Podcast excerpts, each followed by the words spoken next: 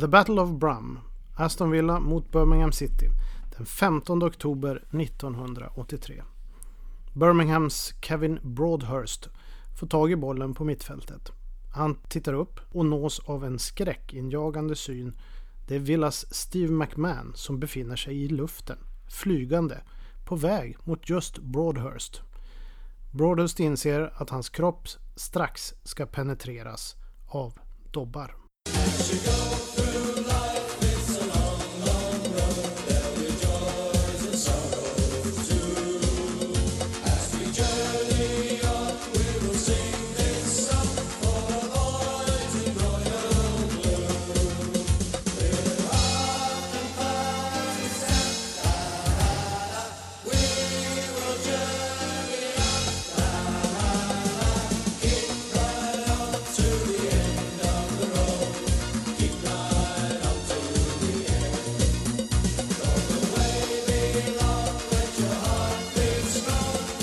Steve McMahon skulle senare från mitten av 80-talet göra stor karriär i Liverpool och jag minns mittfältsdueller mellan honom och Evertons Peter Reed, vilka idag skulle rendera till en utvisning vid varje duell. Ja, eller åtminstone i början av matcherna, då detta var på den tiden ett Merseyside-derby inte bara avgjorde vem som var bäst i stan, utan också i ligan. Och det handlade om att få med sig laget och publiken med några tunga tacklingar i matchen där tempot var bortom det frenetiska.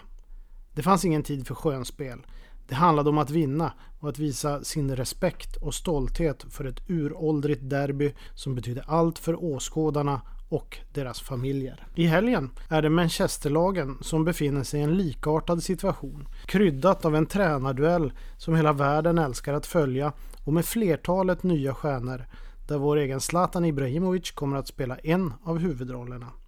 Om inte den allra största, sopranen divan, individualisten och mannen som aldrig verkar tröttna på att avgöra matcher av vikt under långa ligasäsonger. Numera dessutom en trivseltorsten som enligt uppgift skojar och har sig med lagkamraterna, stöttar dessutom ungdomarna och häromdagen packade han in en träningströja ur sin egen kollektion för att skicka till Manchester Citys målvakt Claudio Bravo eftersom han kommer att bli mycket svettig och behöva träningskläder. Zlatan. En PR-maskin som underhåller. Frågan är om han kommer att kyssa klubbmärket om han gör mål. Ah, kanske inte. Det, det är kanske inte riktigt likt Zlatan. Fast man vet aldrig numera. Då, förut så att säga, var duellerna och maneren lite annorlunda. Jag tänker på Roy Keens fasansfulla tackling på norrmannen Alf Inge Haaland. Vilket var planerad, utstuderad hämnd. I Merseyside-derbyt hade Steve McMahon och Evertons Graham Sharp en aldrig sinande beef med varandra där det handlade om att tillfoga den andra så stor smärta som möjligt. Och så tänker jag på en viss Dennis Law. Han som en klackspark för Manchester City i ett derby mot United faktiskt skickade ner sin forna klubb till andra divisionen. Jag tänker också på Kevin Broadhurst i Birmingham vars karriär till slut tog slut efter alla dueller, bland annat i det där derbyt mot Aston Villa och vars kropp ännu idag inte hämtat sig. Han spelade också ett fullkomligt galet Birmingham City där originalet till Wimbledons Crazy Gang under andra halvan av 80 och 80-talet och början av 90-talet höll hov. Jag tänker på vad ett derby betyder, särskilt då, men också nu, fast på olika sätt. Jag heter Per Malmqvist Stolt och ni lyssnar till Old School Football Podcast där det inte finns några direkta gränser för nostalgisnack om engelsk fotboll. Men först veckans match. Morgan.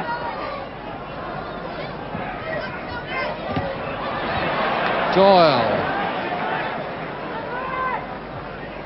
Somerby slotting it through nicely for Bell. Stewart is away on the left. Lee. Pulled across for Law! Dennis has done it! Manchester Derby. Ja, det är svårt att undvika. Det är den matchen som gäller just nu. Och för er som lyssnar senare så är det ju inte hela världen för det kommer ett till Manchester Derby eh, mot vårkanten av säsongen och faktum är att det kommer två varje år. Åtminstone ser det så ut för de båda kommer ju garanterat att hålla sig kvar i den högsta divisionen under en ganska lång framtid som det ser ut nu. Så ni kan lyssna när ni vill. Men jag tänker på helgens derby. Guardiola mot Mourinho. Zlatan mot Claudio Bravo. Och den kanske något oprövade men hyllade mittbacken John Stones. David Silva mot Paul Pogba.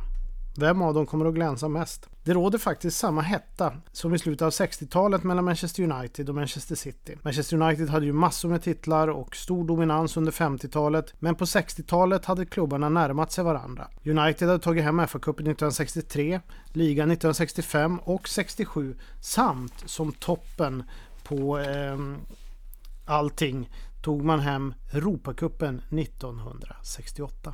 Manchester City hade tagit sig upp i högsta divisionen i mitten av 60-talet och vann ligan 1968, FA-cupen 1969, cupvinnarcupen 1970 såväl som ligacupen samma år.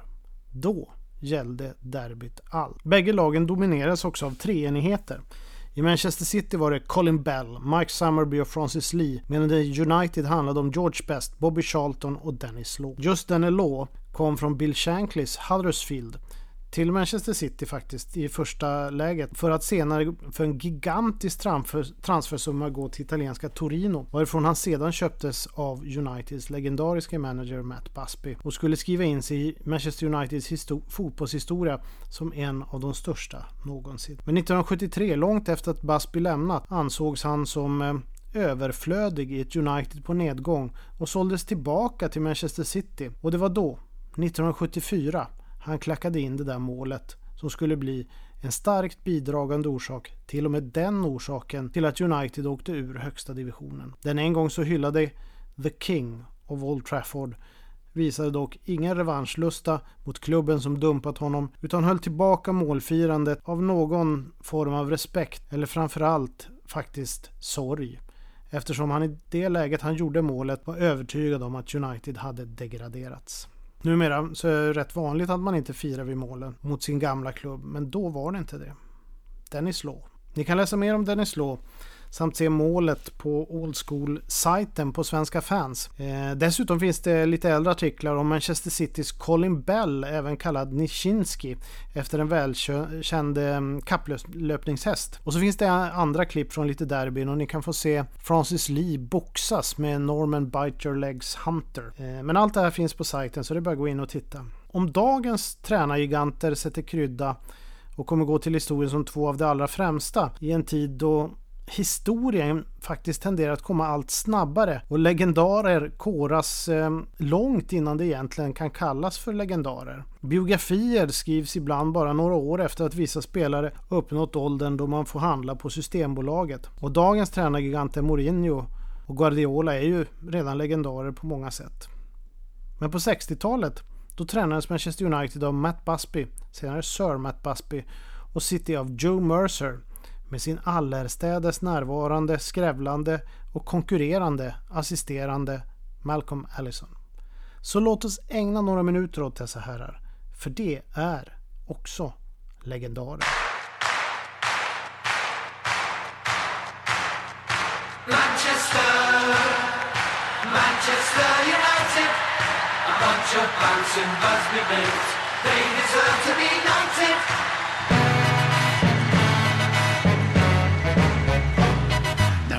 Football is a pleasant game, played in the sun, played in the rain, and the team that gets me excited.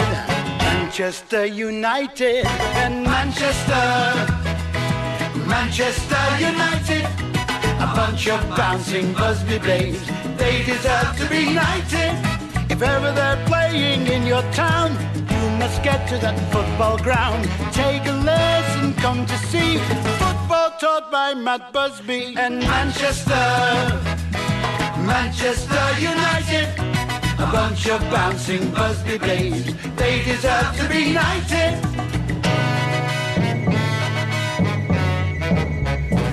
Med fokus på underhållande fotboll, mandat att bestämma över allt i klubben och att Manchester United var större än alla dess individer tillsammans med en enorm drivkraft att bli framgångsrik bidrog Matt Busby till en av de allra främsta erorna inom engelsk fotboll.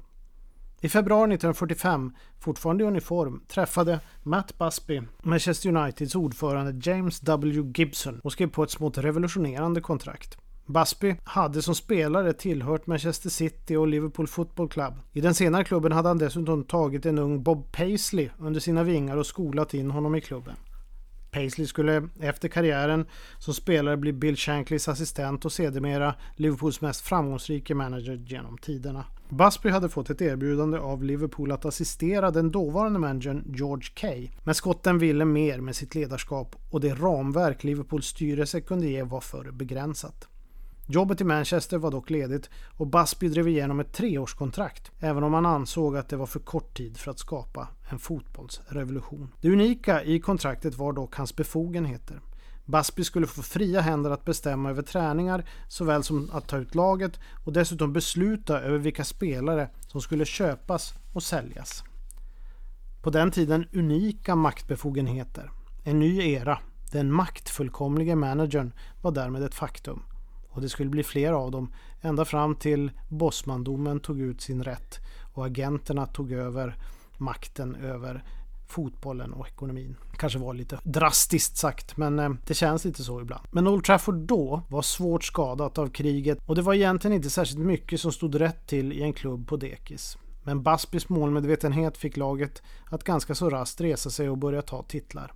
Det hela resulterade i fem ligatitlar, två fa Cup-titlar och en Europacup mellan åren 1948 till 1968. Busby lyckades bygga flera generationer under sina drygt 20 år som manager. Allt ifrån de tidiga framgångarna under slutet av 40-talet och början av 50-talet då Johnny Carey var lagkapten via Busby Babes där flertalet tyvärr förolyckades i Münchenkatastrofen. bland annat den extremt begåvade Duncan Edwards till 60-talets giganter med spelare som George Best, Bobby Charlton och Dennis Law. Busby var dessutom den första så kallade tracksuit managern i engelsk fotboll. Det vill säga engagerad i planering och genomförande samt delaktighet i träningarna. Att vara med på träningar och de facto kunna visa hur övningarna skulle genomföras var extremt ovanligt på den tiden. Hans taktiska inställning till fotboll handlade om att inte bara vinna utan också underhålla. Taktiskt var Busby mer en manager som litade på sina spelares förmågor och det handlade ofta om att gå ut och spela och underhålla. Han var aktivt emot att belasta spelarna med för mycket instruktioner vilka skulle leda till restriktioner i deras förmåga att uttrycka sin fotbollskreativitet. En inte ovanlig instruktion var faktiskt gå ut och ta bollen. Därefter kunde underhållningen börja. Bobby Charlton skrev i sin biografi My Manchester United Years Matt wasn't a coach as such and he never stopped and told you what to do. Med en förmåga att finna rätt spelare för att lyckas med att både vinna och underhålla ledde faktiskt Matt Busby tre olika stora generationer under sin tid som manager, vilket gör honom till en av de allra främsta någonsin. Det kanske allra bästa laget tappade ju åtta man som dog i flygplanskatastrofen under en mellanlandning 1958 då United skulle erövra Europa efter att ha vunnit ligan i överlägsen stil med ett lag där medelåldern var 22 år. Därefter blev det nästan en fix idé för Busby att ta hem Europacupen. En drivkraft som blev starkare än någonting annat och 1968 lyckades han med nästa magiska United-upplaga centrerat kring Dennis Law, Bobby Charlton och George Best att ta hem den åtråvärda pokalen, vilket också skulle markera slutet på hans karriär. Under 50-talet hade Busby dominerat engelsk fotboll tillsammans med sin vän och managerkonkurrent Stan Cullis i Wolves. Busby Babes var ett resultat av den fotbollsmiljön. Faktum är att Wolves också var det första lag som vann en rad vänskapsmatcher där man tog sig an Europas bästa motstånd. Eh, och framförallt var det en match mot ungerska Honved Eh, som eh, Wolves vann och faktiskt korade sig själv som världens bästa klubblag. Och det var i samband med de här matcherna faktiskt som eh, man kom på att vi ska nog dra igång någonting som kallas Europacupen för mästarlag så vi verkligen kan utse Europas främsta lag. Även om Kallis hävdar att Wolves var världens bästa klubblag. Men åren som följde efter Europacupens instiftande blev dock tuffa för de engelska lagen. Dels tyckte man inte eh, från FAs sida att det var så intressant i början. Jag tror inte ens Chelsea fick åka på första kuppen eftersom Chelsea vann ligan 55. Men man hade också svårt att hantera den kontinentala fotbollen så som den spelades av exempelvis Catenaccios främste uttolkare Elenio Herrera i Inter. Manchester United och Busby tog upp handsken från Wolves och eh, Stan Cullis genom att bli det första engelska laget att vinna Europacupen. Det var inte bara en revansch för Busby Babes utan för den engelska fotbollen som helhet. En fantastisk manager kan klara av att bygga två storlag, två stora generationer. Men fler än så brukar vara svårt då processen verkar vara oerhört energidränerande. Bill Shankly avgick självmant när hans andra generation stod på toppen och han inte visste hur han skulle orka ta sig igenom nästa våg. Sen ångrar han sig i och för sig, men det var för sent då. Men Busby är ensam om att bygga tre stora lag, tre stora generationer. Ambition, inspiration och karisma var egenskaper som fick Sir Matt Busbys lag att lyfta om och om igen. Förutom den där sorgliga dagen i München 1958.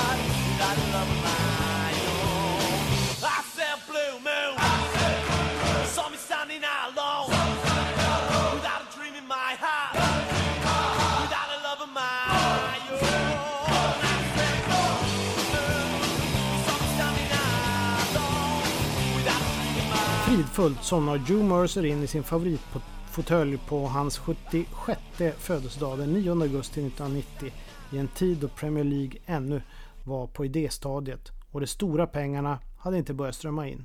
Men Joe Mercers bidrag till fotbollshistorien kunde ingen ifrågasätta. Men just denna dag var den sista i den leende mannens liv.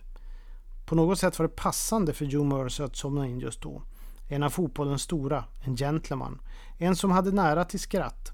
Han som lyckades storartat både som spelare och manager men han var inte en person som fick ta del av all den rikedom som därefter strösslats över sporten. Efter en lysande spelarkarriär i Everton på 30-talet och Arsenal under sent 40-tal och tidigt 50-tal samt givetvis engelska landslaget, dock förkortad på grund av andra världskriget, så gav sig Mercer in i tränarsysslan. Det höjdes röster att Mercer skulle vara en god framtida manager för Arsenal. Tyvärr hade han dock redan förberett för en annan karriär, nämligen som specerihandlare. När han fortfarande var lagkapten för Arsenal satte han upp en affär affär på 105 och 107 Brighton Street i Wallasey. Men fotbollens dragningskraft var för stor. Och redan 1955 återvände han som manager i Sheffield United.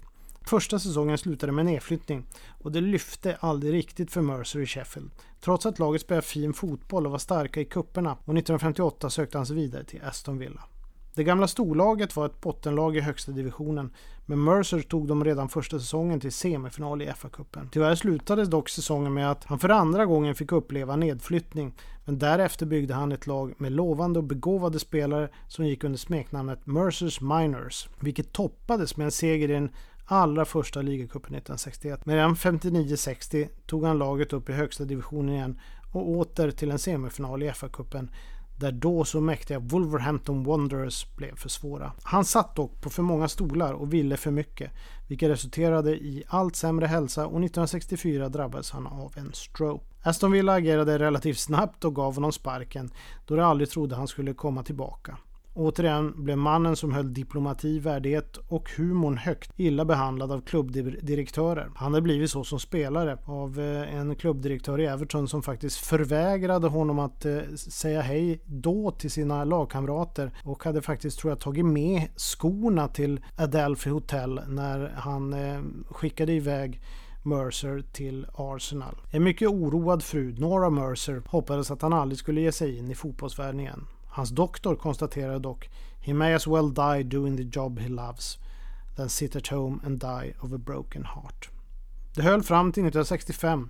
Då tog han över Manchester City och knöt till sig den lovande coachen Malcolm Allison. Tillsammans skulle ta City upp i högsta division 1966 och sedan vara med om lagets mest framgångsrika era fram till idag. Ligaseger 1967-68, FA-cupen 1969, ligacupen 1969-70 samt cupvinnarcupen samma säsong.